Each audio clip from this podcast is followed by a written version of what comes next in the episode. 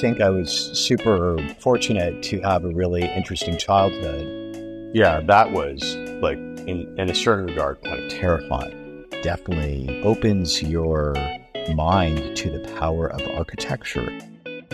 Hello and welcome to Architecture Talks. I'm Mimi Strömbäck, and in this podcast, I sit down with some of the leading architects to discuss their architecture and their journeys. Today, I am joined by the New York based architect Andre Kikoski, and we discuss his portfolio, which spans from skyscrapers to a restaurant in nothing less than the Guggenheim Museum. Andre possesses a unique way of describing architecture, employing both memories and an open mind to reach new design solutions. Having worked with some of the 20th century's most influential architects, his insights are truly inspiring. Make sure to follow Architecture Talks on Instagram, where you can see photos and drawings of the projects that we discuss in each episode. Welcome to Architecture Talks, Andre. I'm so excited to talk to you today. And I actually asked my friend Tessa, who works at the Center for Architecture here in New York, who I should interview for Architecture Talks, and she named you without hesitation. So I'm so grateful that you took some time from your busy day to have a conversation with me today. We had to squeeze this in between your meetings, so you'll be out and about, and I hope the sound won't be too bad, but maybe that will give some of the New York spirit to the podcast. Very happy to be here. So thank you for having me. Well, it's an honor. You're such an interesting person from all that I've heard and all that I've read. And you've done projects all over the world, worked with some of the biggest names within architecture, won countless awards, and, well, have been featured in even more publications. Can you give the listeners a sense of your office and who you are? Uh, we are a uh, boutique firm in New York City. Uh, we are intrigued with design challenges that can help us think about how we need to live more appropriately at every level. And that translates into a practice that is nimble and fast with highly experienced collaborators within the office and within our network of people. And we seem to be very fortunate to attract really interesting, diverse projects from all over the world.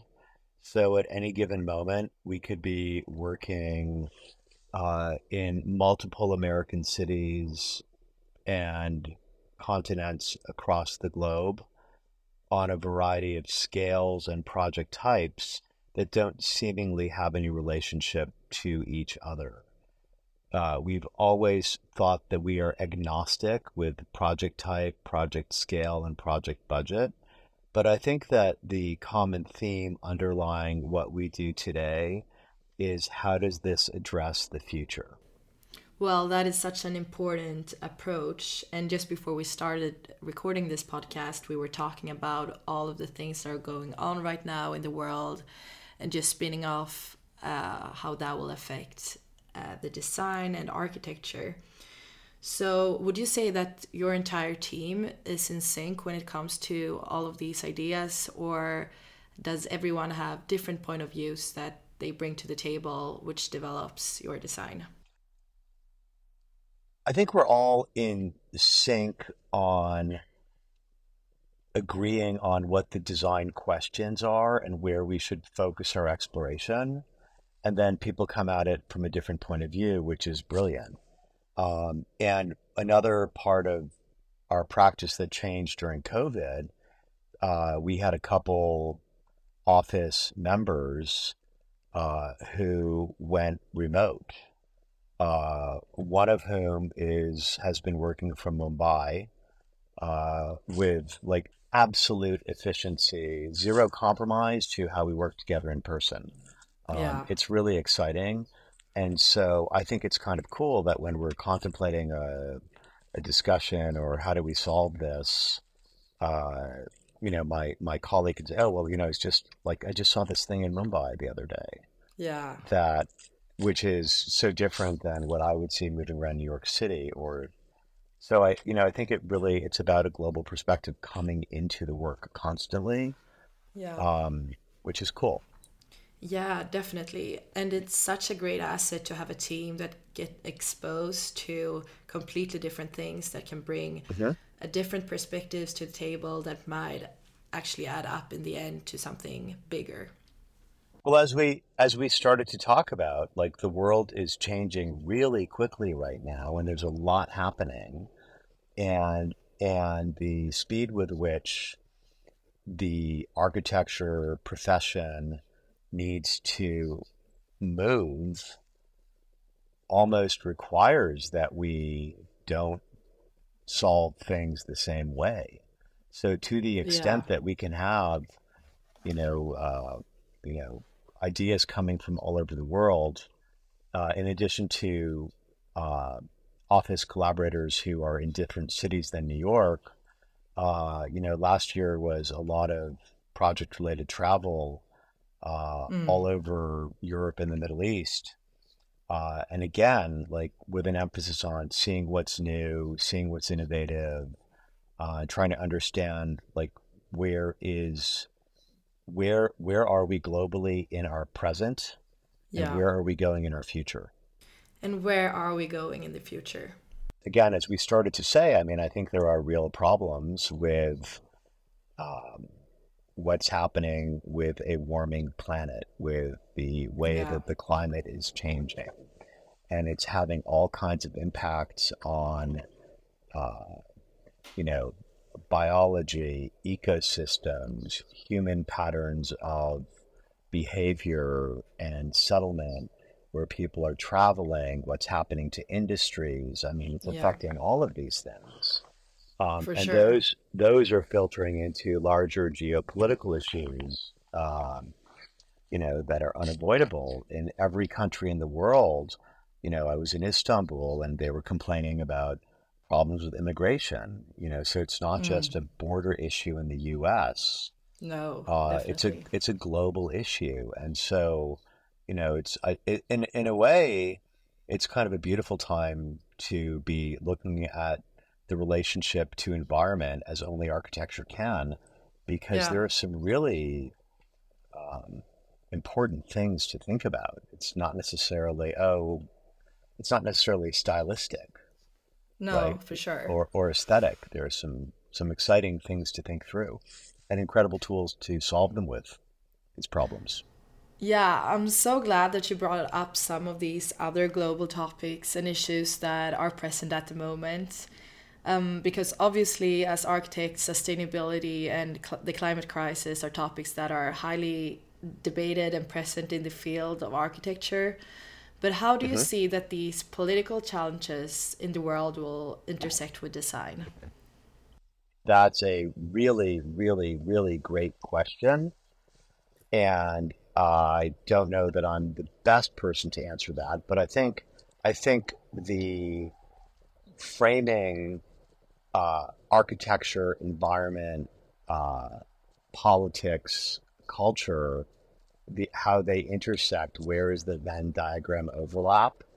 I think mm. the more aggressive that we can, more aggressively that we can look at projects and create opportunities to make things better, the more pressure it alleviates on the disruption to our societies and our communities that's caused by all these these yeah. these upheavals for, for, for instance, uh, for the past 18 months or so, we've been working on a really fascinating project with uh, greenhouses where we are replacing literally the world of climate with technology. So, oh. uh, creating half a million square foot complexes with carbon neutral net zero energy use where we can produce food in environments where food doesn't grow to feed populations of, of human beings. Um, Fantastic. It, it is, and the idea that that uh, this is a kind of innovative approach to the future of food that could also then uh, spill out into other countries, other places, other ways of doing things. Um, you know, as as climate changes food production, the idea that that we can control food production within simulated climate climates is mind-boggling to me. Yeah, wow. That is I mean that's such a great example of how technology can intersect with both design and also the society as a whole. And it's so crucial that you're on top of the technology part of architecture and design right now and i'm inspired to hear that you are so how do you think that this will evolve i've i've always been an optimist and i've always believed that technology will be the way out of our current predicament yeah. Uh, I mean, the history of humankind is the history of technology improving our lives For and sure. improving our living standards. And now that these problems are very pressing, uh, I believe we have the tools to really begin to address them in meaningful ways. Exactly. Yeah. But so I wanted to ask you about your upbringing because all of this that you're mentioning right now um, reminds me of what I've heard you talk about before when it comes to your upbringing. Uh, I've heard that you've traveled a lot as a kid and that you mm-hmm. also grew up in a town that was very influential to you. Mm-hmm. Can you tell us a bit more about that environment and how what kind of life you lived there? Sure. I uh, I I think I was super uh, fortunate to have a really interesting childhood. Uh, we lived in a town in western Massachusetts uh, that was settled in the 1600s by colonial settlers. Uh, so, so inherent in that was uh, ideas about how to live um, uh, in the wild uh, mm. and how how really beautiful ideas of conservation and energy shaped that existence. You know, I love the story that the houses were all built with the chimney in the middle so the heat would radiate out. And yeah. as the fires were dying, they would throw a potato in the fire and it would roast overnight in the dying embers. And then in the morning, the children would pick up the potato and carry it in their hands to school to keep them warm and it would sit I in their that. desk and keep them warm and then they'd eat it right yeah. so the idea that like energy is dynamic and energy has a lifespan and it, mm. it's you know and it came from the necessity of that environment from the harshness yeah. of that environment from being you know settlers in an area where you know no one had lived before uh, kind of kind of fascinating i mean politics of all of that aside, right? Definitely. I mean, I, I recently went back be, uh, and was uh, shocked and horrified to see uh, plaques in front of all these historic houses documenting who the like like you see in Amsterdam, uh, like like you know where where uh, human beings were brought over and enslaved there or born into slavery there. So we look at these things always with a fresh set of eyes. But at least yeah. the idea of like like how to live in an adverse environment and how to look at uh, sustaining commodities as something to be uh, like carefully considered uh, mm. and appreciated was pretty beautiful. Um, and then on the on the flip side of that, when we weren't in this town dating to the 1600s, uh, you know, my mother's family are international. Uh, and so we would leave and we would go and visit my grandparents in Beirut in the 1960s and 1970s. And uh, we'd go to the mosques and we'd go to the souks and we'd visit the Roman ruins of Baalbek. Um, and, you know, and this was like 1970s urbanism when Beirut was considered the Paris of the Middle East. Yeah. and seeing the diversity and the vibrancy of that city. And one minute you're in a in a you know in a, a very urbane little cafe, Yeah. and then you go into a mosque and you take off your shoes and you wash your feet, and it's cool and quiet, and there are I don't know maybe like you know 12 inches of hand knotted silk carpets laid one on top of the Mm. other, and you walk into this cool quiet oasis. I mean, it definitely opens your mind to the power of architecture in a way that I probably couldn't have experienced. Were you able to appreciate all of that as a Oh, kid already? I loved it. I thought it was Yeah. amazing. I don't know how it happened, but you know, we were we were lucky to have many many of those trips going back Yeah. and forth to see family uh, throughout the Middle East, and then of course back in those days, you always stopped off in a European city in the middle. Yeah. Um, and so, uh, you know, to this day, I, I love travel. I love getting on an airplane. I love seeing something new and learning something and Mm. experiencing something different. So, what would you say that all of this taught you uh, at that early age? Uh, boy, that's also a very good question. I see why you do this. Um, I think uh, I think just it's just a celebration of how beautiful the world is, and how Yeah. and how uh, fantastic uh, the human experience could be. I remember at one Yeah. point we went to uh, an old house museum outside of Damascus, and I don't know, I must have been like eight. And I remember there was a grain of rice with a microscope in front of it, a big magnifying glass.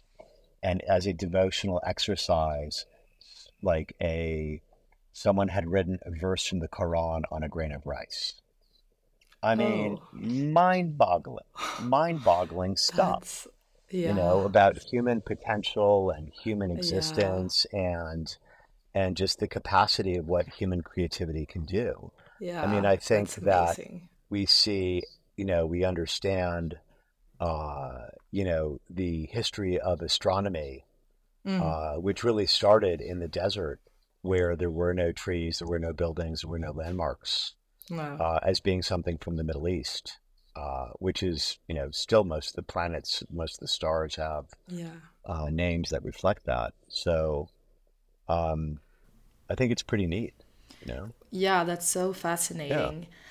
Um, all of this must really have sparked the wish and the possibility of creating something on your own. When did you start to engage with architecture yourself? Uh, always loved architecture, always loved creativity.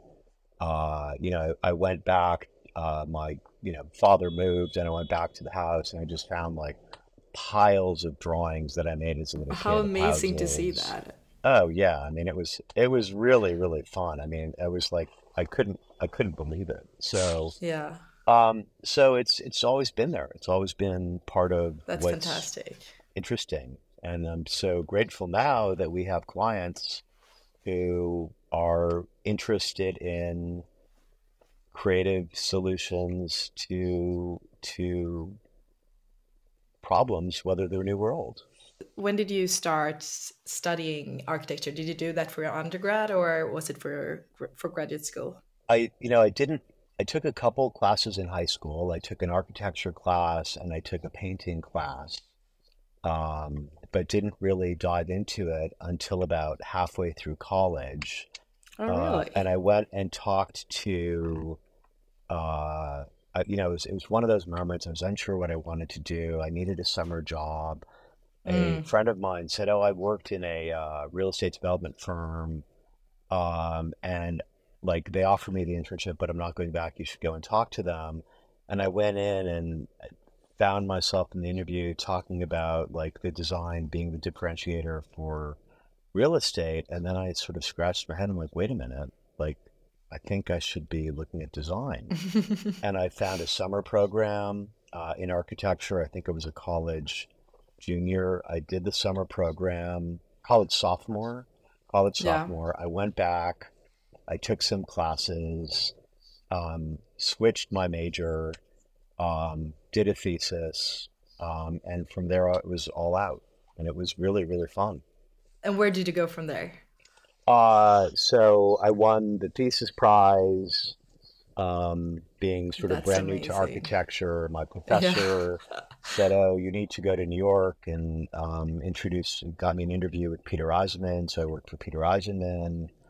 That's Um, amazing. and uh, got into that year got into grad school at harvard at the gsd um, so uh, you know it was very very Wait, so you worked for Peter Eisenman even before you started grad school? correct correct i had a uh, i was there right after college Yeah. um, and then curiously in grad school uh, i also was his ta Yeah, I mean, you've really been surrounded by some of the biggest names in architecture. What do you think that all of this has given you? I mean, it must have been such an incredible source of knowledge, inspiration, and also validation in such an early stage of your career. It was pretty spectacular to see different companies practiced and how different offices practiced in different ways. Uh, uh, you know, throughout graduate school,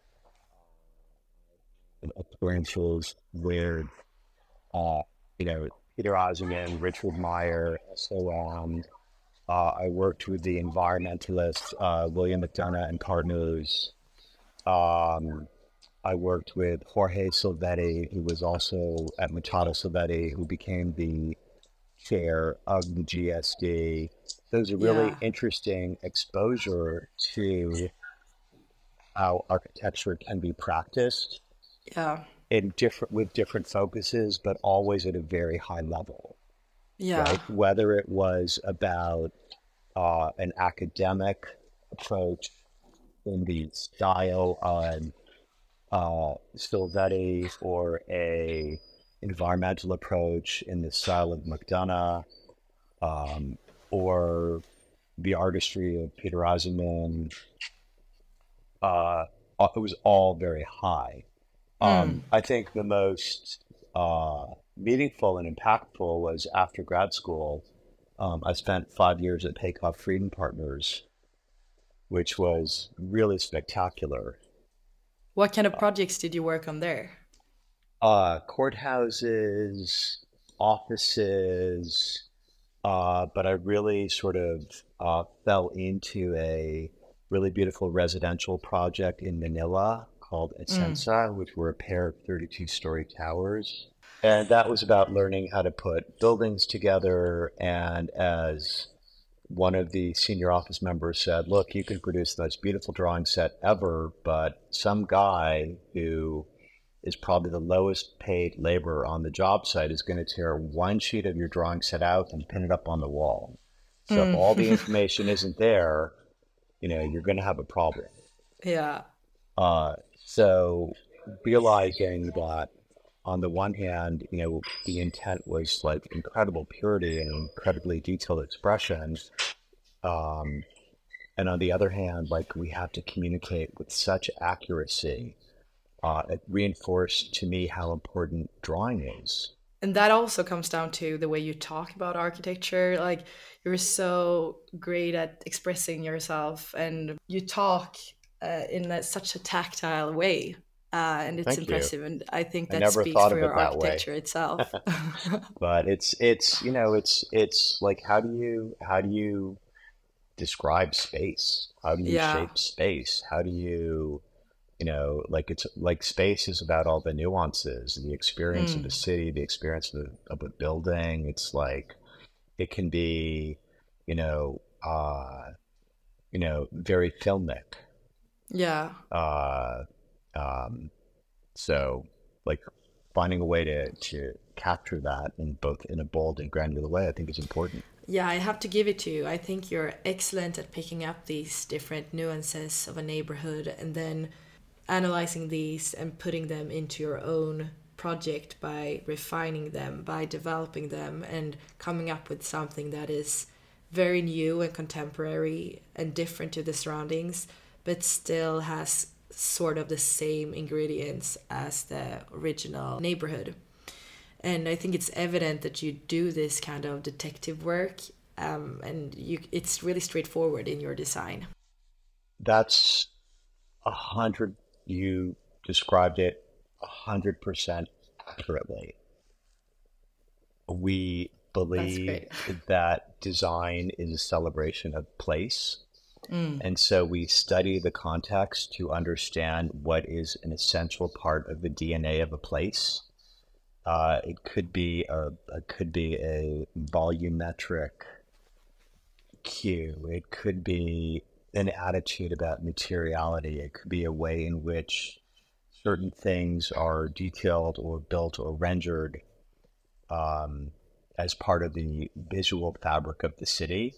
Yeah. Uh, and then uh, prioritizing, editing, um, dialing some things up, dialing some things down. We try to put it all together in an expression that is innately tied to that place, yeah. and yet also is very, very unique. Unique. So, so that we're also looking forward. I really liked what you just said there about the attitude, about materiality. And it's so interesting because I have this photo from one of my first days when I got to New York this summer.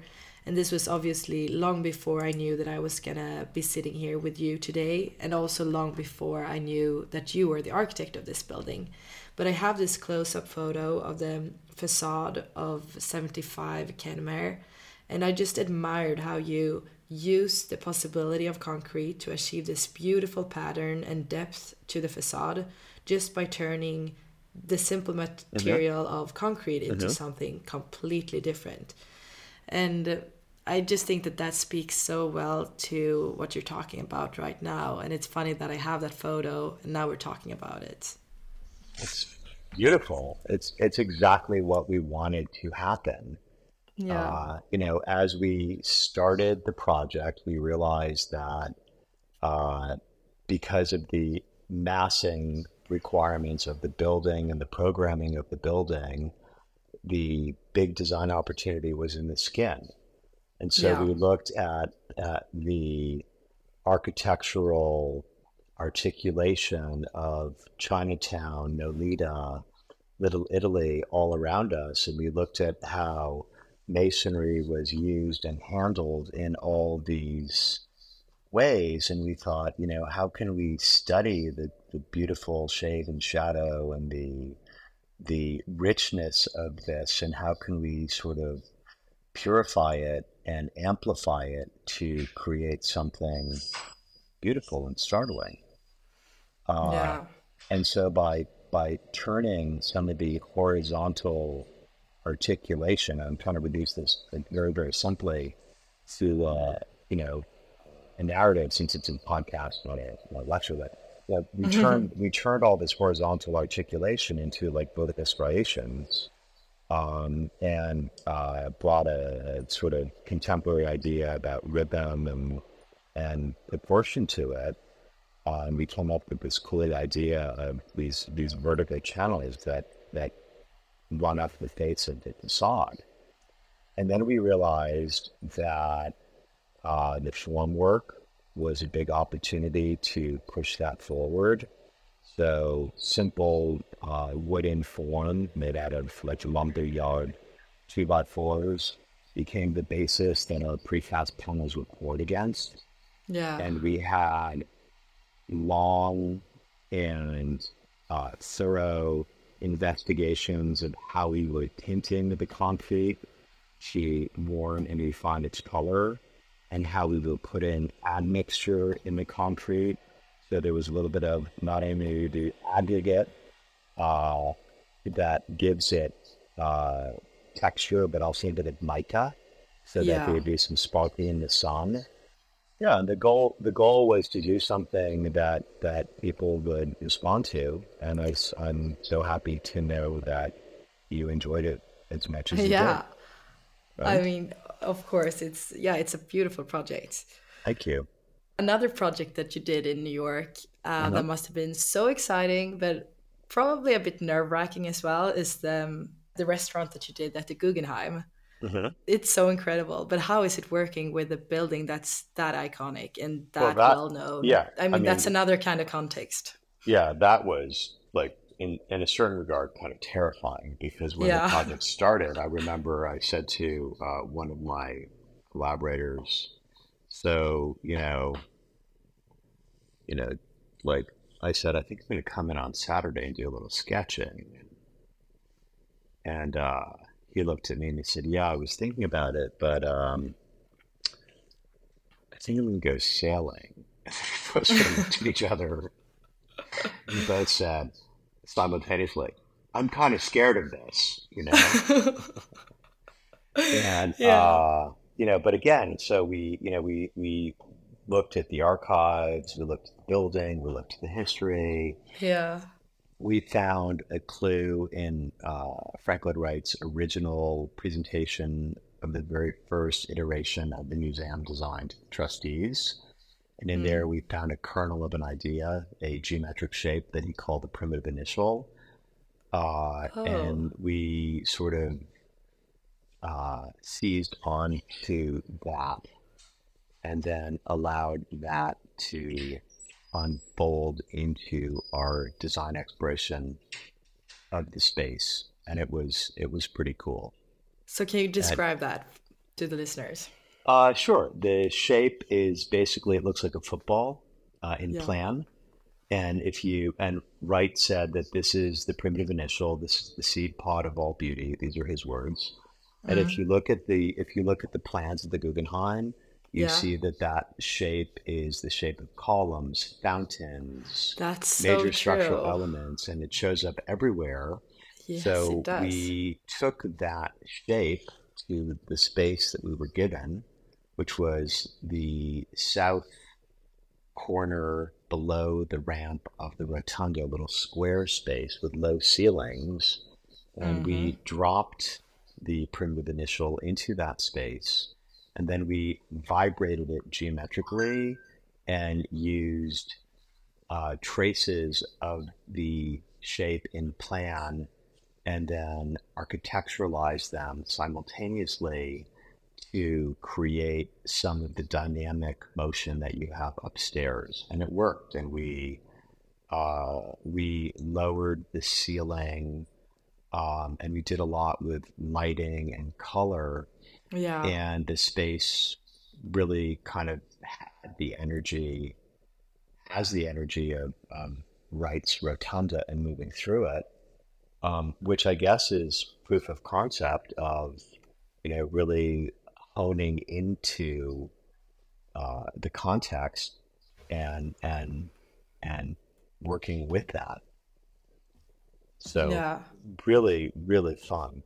It must have been a hard starting point to just like you have this incredible space and now you you're going to add something to it. What you're saying about movement is one of the key features of the Guggenheim and mm-hmm. when looking at this project you just you feel like you're moving. Just looking mm-hmm. at a mm-hmm. photo of mm-hmm. the restaurant, it feels like it's moving. Um, Absolutely. So in the rotunda, you have the movement by actually moving. Here you have the movement in the actual architecture and design, mm-hmm. which is very mm-hmm. interesting. Yeah, we're quite it's, observant. Thank you.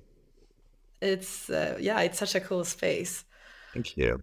Were you a fan of Frank Lloyd Wright before you started the project too? Has he been a uh, pretty much always? Pretty much always. Uh, you know, at one point, uh, can you believe that? Like, it's one of your like biggest inspirations, and then you actually do something. You do a project it, within that building. Isn't that just? It was amazing? pretty cool. I have to say. I remember uh, I'd seen a, a show of his. I don't know, maybe 10 years before, and I bought the book of his writings and I started reading the writings, and I was like, oh my God, like so many of the things that he will write contradict each other yeah. but it almost doesn't matter. It's like that Picasso quote Don't ask me what I think about my art, just go look at it. Do you think that people would feel the way that you intend them to feel in the spaces that you create? Do you think you can plan for their emotions in those spaces? I think I think that craftsmanship is a shortcut in some way to to like unlock a reaction. You know, I think that what you experienced looking at the facade of 75 Kenmare might not have been the same if these were, you know, machine milled, you know, pressed uh, panels that the concrete was poured into.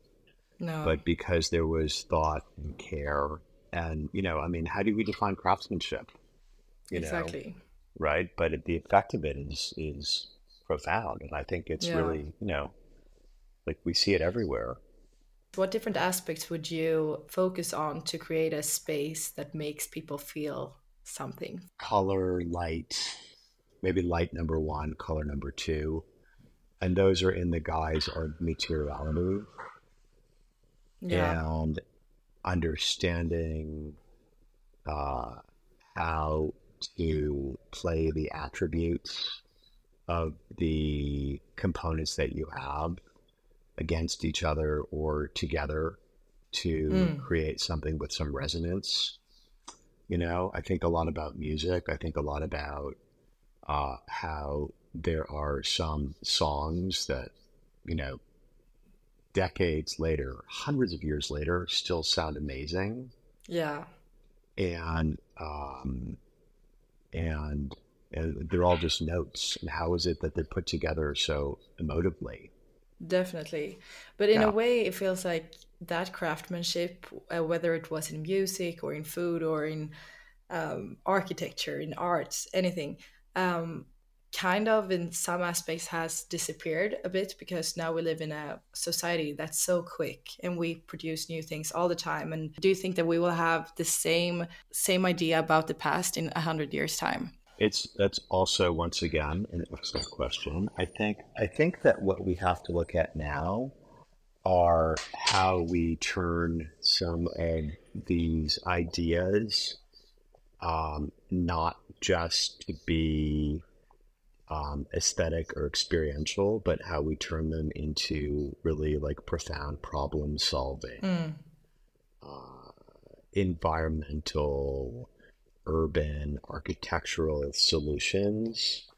Um, if we don't solve the, if we don't begin to address the many uh, concerns that are ahead of us right now, um, it won't really matter if it's beautiful. Yeah. It won't really matter if it makes you joyous.